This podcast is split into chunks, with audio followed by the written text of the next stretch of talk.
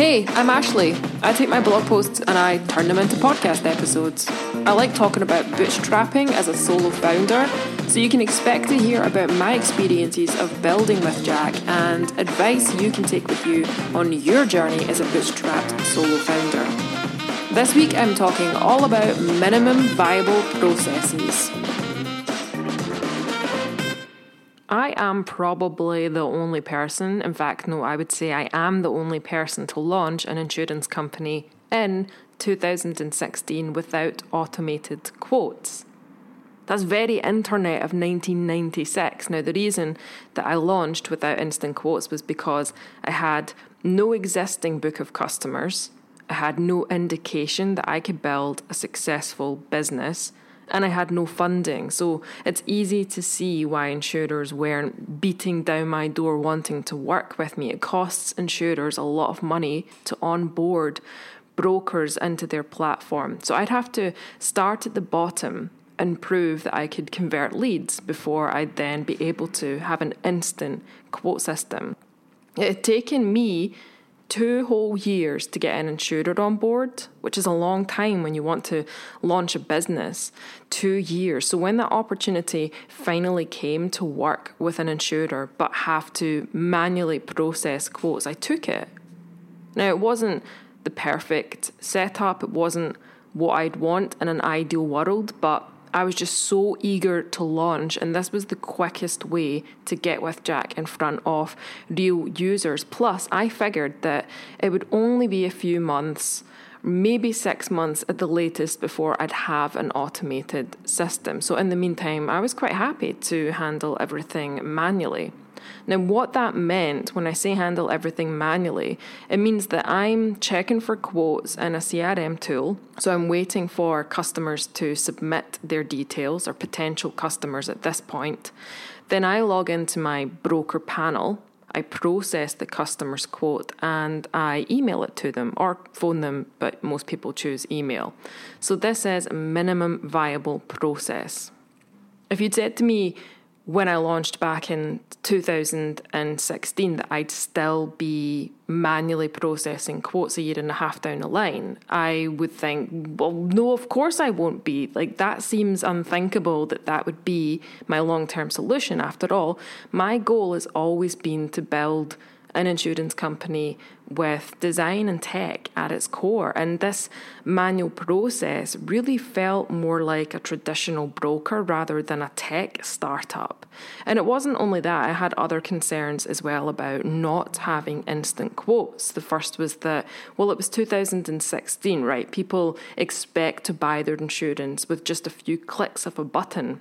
Now, how was I making insurance more accessible if it wasn't instant? I was worried that this approach of having to manually process people's details, which meant a short period of time where they'd have to wait for a quote, would put them off it. And secondly, I figured that I would lose sales without this instant process that flowed cohesively, users would drop off. Um, in other words, I figured expectations wouldn't be met and my conversion rate would suffer as a result. So here we are, year and a half down the line, more than 200 customers later, and there's still no automated quote system. like I said, I did not expect to be manually processing quotes for this long. But it actually turns out that it's been somewhat of a blessing. So I'll tell you a bit about the beauty of the manual process, why this manual process has actually been a good thing for my business. The first is that the conversion rate is actually pretty high. 40% of the people who get a quote with Jack become customers. And I'm pretty happy with that figure. I don't know what the industry standard is, but 40%, I'll take that. Uh, conversions have actually improved over time. They started at 26% when I first launched, and in another episode, I'll share the tweaks that have contributed to that change. Uh, so, my concern about users dropping off was unfounded. Now, I'm sure some users do drop off as a result of not having instant quotes, but 40% is a high conversion rate. The second upside of this manual process was that it actually has helped me understand my customers better. So I have spent the past year and a half having customer conversations. Most insurers have very few touch points with their customers, and typically it's in pretty negative situations, such as like when a monthly direct debit fails or a customer needs to make a claim. Now, insurance doesn't have the best reputation. 73% of people don't trust their provider. So I think the fact that insurers are dealing with customers mostly in sensitive situations actually contributes to the negative feelings that people have about insurance. So let's talk about these customer conversations. I have personally manually processed each of the well, I'm over 200 customers now, so 210 sales, which means that I've conversed with more than 200 of the very people that I am building WithJack for, and that's invaluable. That's a lot of uh, information that's really useful to me. I've learned where customers have come from, who referred them, why they signed up, what they thought of the experience, both good and bad, of course, and their motivations for getting insured. And forming an understanding of this stuff helps me improve the service and also helps me understand how and where to market it. So, all of these conversations have been, um, and the insights I've gained from them have been crucial in informing my decisions, and it's also influenced this new direction we're taking with the copy and design changes that we're making. Lastly, it's enabled me to connect and build deeper relationships with customers. Now, don't get me wrong, not everybody wants to engage with me or with Jack. Some people prefer to sign up with as little interaction as possible. They just want to check that box, be on their way, and they really don't care who's powering the experience for them. It could be WithJack or it could be any faceless corporate insurance company. Um, and despite me having to manually process everything, it is entirely possible to buy your insurance via Jack without interacting with anybody because what happens is when I send you an email with your price, your quote, there's a link to buy the policy in that email. You can click that link, fill in your payment details, and job's done. You don't have to engage with me. But for many in the type of customer that I'm trying to attract with Jack, they do want more from their insurance provider. So they're happy to engage and help shape WithJack. So after this fear of launching without instant quotes, it turns out that people are okay with the human element, the manual processes. And that proof is, of course, that 40% of people who get a quote become customers. There's an article called What to Do If You Didn't Get into Y Combinator, and there's a quote I've taken from that. Um, Alex from Groove says, Customer development has been the most valuable thing that we've done when it comes to moving our product and company forward. And I wish we'd have done more of it in our early days. So when I launched WithJack in 2016, I wasn't necessarily thinking along the lines of customer development because if I'm being honest with you, I didn't even know what that was. The manual process was simply the quickest way to ship and get something online. But here we are, a year and a half down the line, and I completely echo Alex's comment about customer development being the most valuable thing that they've done you know, speaking to my customers, um, which has been as a direct result of having to manually process these quotes, has really helped me gain a better insight into my business. Now, it's not all fun and games. There is, of course, a big downside to manually processing quotes, and that is that I can never be too far from a computer. I am attached to my laptop. So in January, I actually enjoyed my first holiday since launching my business, which um, was in Lanzarote. My family and my mum's boyfriend's family, we all went away on a big family holiday to uh, Lanzarote. And it was great weather. It was just fantastic to get away from the, you know, Scottish winter. But I had to carry my laptop everywhere. I onboarded a customer on the airport bus, and I'm not even talking about the bus that takes you to the airport, but the bus that takes you from the gate to the airplane. So I, I had about a three minute window to finalise a sale there. I sent quotes by the poolside, I answered emails over dinner, um, but perhaps most impressively, I actually emailed somebody their quote from on top of a volcano. I'm quite proud of that. And actually, Volcano quote did convert, and it was the biggest sale that I've had this year, so it was definitely worth it. Um, but yeah, I'm attached to my computer all the time. I'm not proud of that. It's just the way that things have to be at the moment, and that is the downside of manually processing quotes. But it is a small price to pay, and I'm always reminding myself that it's temporary. So we are actually building an automated quote system as I speak. I feel like I've been saying that for a few months now. Uh, some things have happened that have, have held the process up, but Scott's designing the customer journey. I've got Vic Bell doing illustrations. Um, I've hired a freelancer from scratch who's done the copywriting. Great team putting this together. Um, but I am actually afraid that this automation will negatively affect this 40% conversion rate. However, from the customer conversations that I have had, I do know that I have lost sales due to not having instant quotes. And existing customers have also expressed their preference for automated quotes when shopping for insurance. And it will also allow us to experiment a bit more with the customer journey and get more creative. So, what is the point in all of this? Why am I talking about this minimum viable process that I launched with? Well, I personally have two takeaways from all of this.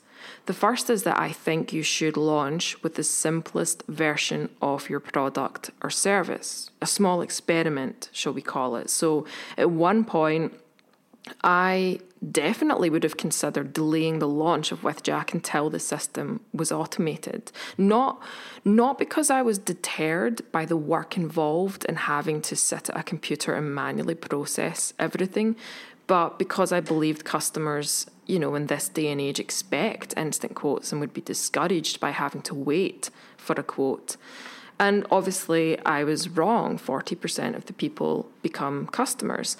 So, the idea should always be to launch with the simplest approach, speak to your customers, and learn. And sometimes that means launching with manual processes.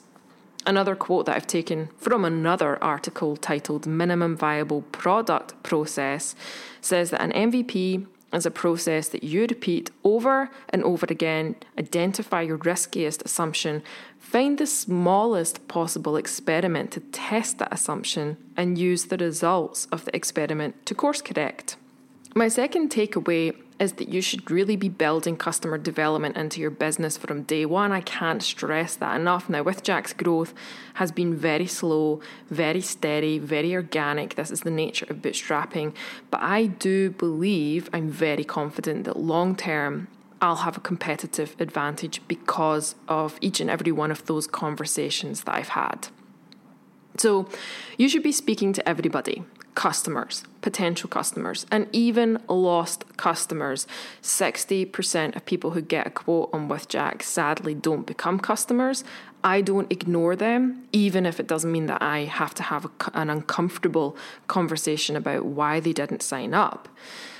Now it's it is tricky getting a follow up from lost sales. They're not customers, so they're obviously not going to be very invested in the service and what it is you're building. Therefore, it's not likely that they'll want to take the time out of their day to provide you with constructive feedback. Um, but I have found that what works for me is using this little tool called Iterate. It's a survey tool, and whilst I don't get a high response rate from lost users, it has worked better than sending direct email. So I create a short survey with three questions and stress that it's anonymous. And when I send a link to the survey, I also try appealing for feedback on a personal level like, hey, we're bootstrapping this, I'm a one woman startup, this feedback really helps. So I'll share some of the feedback that I've been getting. One of the questions in the survey is why did you not sign up to WithJack? And I've taken three answers here. The first was I decided not to take out an insurance policy, which in itself isn't helpful. But my follow up question on the survey is what can we do to make WithJack better for you? And they elaborated on their question. Um, and, or sorry, they elaborated on their answer. So, from their response and the follow up question, I can gather that they were happy with the customer journey, but they were shopping around and looking for a provider based solely on price, which is fine. I, I enjoy your cheap insurance, okay. So, the second piece of feedback I have here is that my client insisted on a ridiculous level of cover. Now, I actually see this a lot their client gave them a boilerplate contract that they also use for big companies. So it demanded a ridiculous level of cover, like 10 million of professional indemnity, public liability, employer's liability, which would have cost potentially over a thousand pounds. And this isn't an uncommon scenario. I see clients giving freelancers these boilerplate contracts a lot, and freelancers should push back on those terms. But from this feedback, I now know okay, I can write a blog post about what to do when your client requests a high level of cover. And the last piece of feedback that I'm sharing today is somebody who said I needed worldwide cover. Now, this is interesting because WithJack can actually insure you worldwide, but this indicates that I haven't done a good job of being clear about that. It is in my FAQs, but not everybody reads the FAQs, so I wonder if there's something we can do to build this directly into the customer journey. So now I have something actionable to implement, do a better job of highlighting this feature. So, in closing, I just want to give a big thumbs up to the whole manual processes uh, approach. Um, waiting until WithJack was automated would have delayed my launch and it would have cost significantly more to build. So, with this manual process, I was able to ship quickly. Uh, start earning money earlier and learn from customers immediately. And with the automated system, I would have missed out on a lot of insights. Switching to this um, instant quote system that we're currently building does mean missing out on conversations at this point in the customer journey. And that's something that I'm going to really miss because I believe that's what's helped me bootstrap WithJack from the first 20 customers to 200 customers. But I'm really hoping that the automated quote system will take me from 200 to 2000. But my point is with this post, couple of takeaways don't be afraid to launch with a simple version of your product or service that isn't perfect, that isn't automated. Embrace the manual processes. And secondly, try building customer development into your business from day one. That's all from me this time. I'll see you next time. Bye. I always feel weird saying bye in a podcast because I am sitting in a room by myself. Bye.